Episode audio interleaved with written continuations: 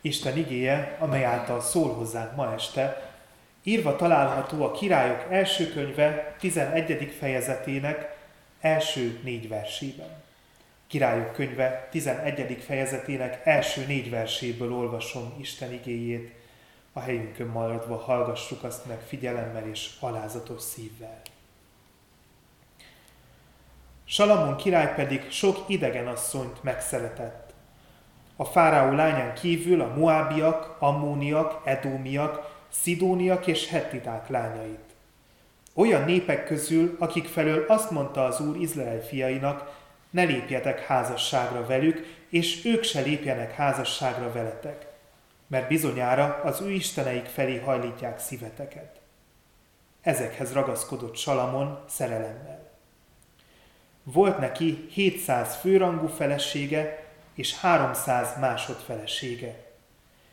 És feleségei elfordították a szívét, mert amikor Salamon megöregedett, feleségei idegen istenekhez fordították a szívét, és szíve már nem volt teljesen az Úré, az ő Istenéjé, úgy, ahogy atyának, Dávidnak a szíve.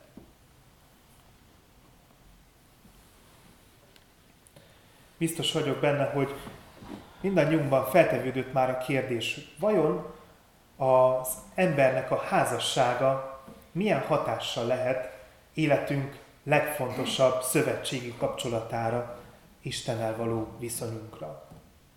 Különösen a vegyes házasságban élők hitélete szempontjából nagyon fontos ez a kérdés. Válaszolni rá a Szentírás alapján azért is nagyon bonyolult, mert felénk nagyon kevesen élnek olyan igazi bibliai értelemben vett vegyes házasságban. A gyülekezetünkben tudtommal egyáltalán nincs példa arra, hogy valakinek a házastársa ne legyen keresztjén. Sok gyülekezeti tagunknak római katolikus, a férje vagy a felesége, de vannak, akiknek ortodox vagy éppen unitárius a házastársa. Ezek a felekezetek azonban mind részei keresztjén anyaszent egyházunknak. Ezekben a vegyes házasságokban a hit megélésére igazából az van hatással, ahogyan a házastársak egymás kultúrájához, felekezetéhez viszonyulnak.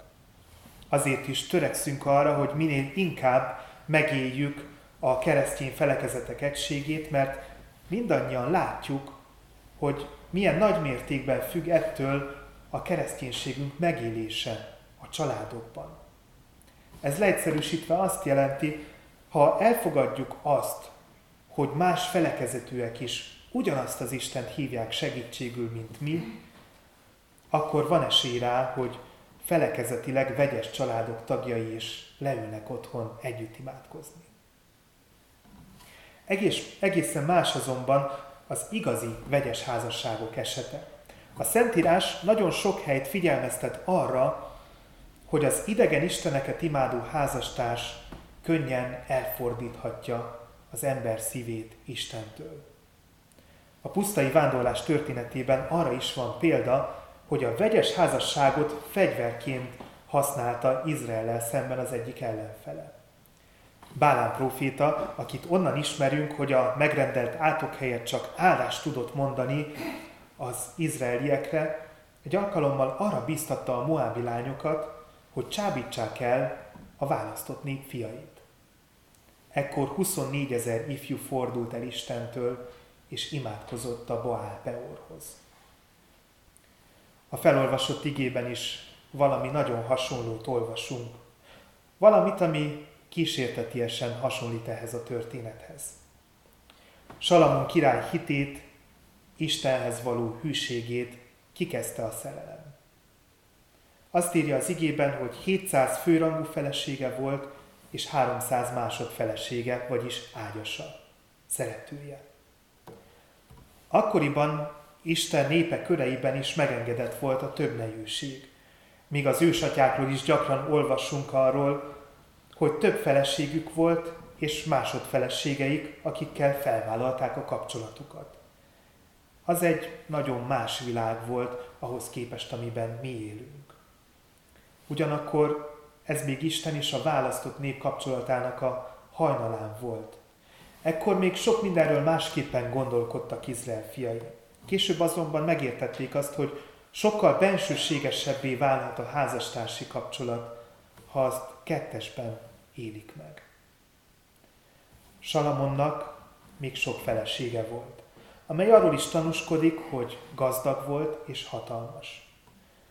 De népes családjával a legnagyobb gond az volt, hogy annak ellenére, hogy Isten óva intette a népét a vegyes házasságoktól, a választottai közül elég sokan moábiak voltak, ammóniak, edómiak, szidóniak és hettiták. Kérdés, hogy az emberek mit szóltak ehhez? Vajon miért fogadták el, hogy Salamon ilyen életet élt? Miért engedték meg neki az emberek, hogy Isten rendelése ellen cselekedjen? Hát először is azért, mert ő volt a király. Teljhatalommal rendelkezett, és Isten felkentjeként megkérdőjelezhetetlen tekintélye volt. Kevesen voltak, akik felmertek szólalni ellene. A nagy uralkodó ellen, aki már az uralkodása kezdetén bebizonyította, hogy mennyire bölcs és rátermett. De a legfőbb oka annak, hogy elfogadták őt olyannak, amilyen volt, hogy ezek a vegyes házasságok tulajdonképpen nagyon jól jöttek az országnak.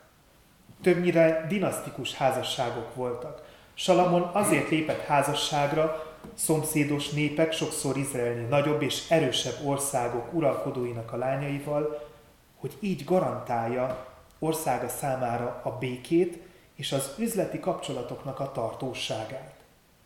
Ennek meg is volt az eredménye. Izrael akkoriban aranykorát élte. De ezek a házasságok pont azt kezdték ki Salamonban, ami országa számára a legfontosabb volt, a hitét, amely Izrael egész népének a hite. Egyedi és különleges hit, amely minden mai napig meghatározza az identitásukat. Sőt, ez a hit a mi identitásunkat is meghatározza, hiszen a kereszténység a zsidó vallásból nőtt ki egykor. És azt olvassuk, hogy ahogy telt az idő, ahogy öregedett Salamon, a helyzet egyre rosszabb lett. Élete vége felé úgy írja, hogy a szíve már nem volt teljesen az Úré, az ő Istenéjé, ahogy atyának, Dávidnak a szíve egykor. Dávid is követett el hibákat. Volt egy kimondottan nagy bűne is, amelyel nagyon megszomorította az urat. De ő, amikor védkezett, bűnbánatot tanúsított. Salamonnal kapcsolatosan nem olvasunk ilyesmiről. Salamont a hatalom nagyon eltorzította. Salamon történetét olvasva azzal szembesülünk, hogy a hit szempontjából veszélyes az a házasság, amelyet nem két keresztény ember köt egymással. Így elsőre ez a fajta vegyes házasság nem tűnik olyan dolognak, ami számunkra közvetlen veszélyforrást jelentene, hiszen Románia lakosságának több mint a 90%-a kereszténynek vallja magát. De kérdés az, hogy a névleges egyháztagságon túl hányan tartják magukat valóban hívő embereknek? Hányan élnek hívő emberekként? Mit okoz egy családban egy névlegesen keresztjén, de tulajdonképpen hitetlen társ viszonyulása az egyházzal kapcsolatos dolgokhoz? Mit érezhet egy közülünk való keresztjén, aki szívén viseli egyháza sorsát, miközben a társa valahányszor templomról van szó, meg gyülekezetről, káromkodik és szídja a közösséget. Másfelől ott van az is, hogy egyre többen érkeznek idegenből hozzánk. Olyanok, akik nem keresztjének, de ettől függetlenül ügyesek, szorgalmasak, sokszor fiatalok, szépek és egyedülállók. Sok fiatal testvérünknek közülük kerül majd ki a házastársa. Senkit nem arra bíztatok, hogy gyűlöljük őket. Főleg, hogy keresztényekként kötelességünk úgy szeretni őket, mintha mieink lennének. Még akkor is, ha nem keresztények.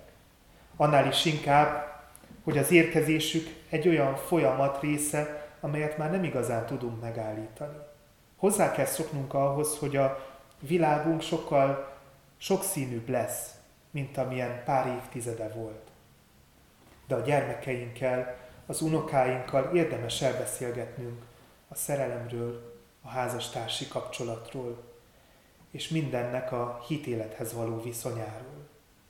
És jó, ha megismerik ezeket a bibliai történeteket, amelyek erről szólnak, és arra tanítanak minket, hogy mindennek, amit teszünk, következményei vannak. Amikkel, ha tetszik, ha nem, számolnunk kell. Pénteken majd szó lesz arról is, hogy Pálapostól szerint az ilyen vegyes házasságban csodálatos lehetőség is rejlik. De csak abban az esetben, ha az ember tud ezzel a lehetőséggel élni, és készen áll arra, hogy bejárjon egy elég nehéz, rögös utat. Aki erre vállalkozik, annak érdemes jól utána járnia, hogy tudja, mire készül. Pár év múlva nagy szükségünk lesz ilyen elszánt keresztény ifjakra és lányokra, akik erre is készen állnak, amiről Pálapostól beszél. Addig is vigyázzunk egymásra, hogy semmi el ne szakítson minket Isten szeretetétől, szívünk maradjon teljesen az Úré, ami Istenünké. Mert ő komolyan gondolta mind a választott népével szerzett közösséget, mind a velünk szerzett új szövetséget. A ránk eső rész teljesítése pedig, hogy Isten iránti hálánkat milyen mértékben éljünk meg, az bennünket minősít.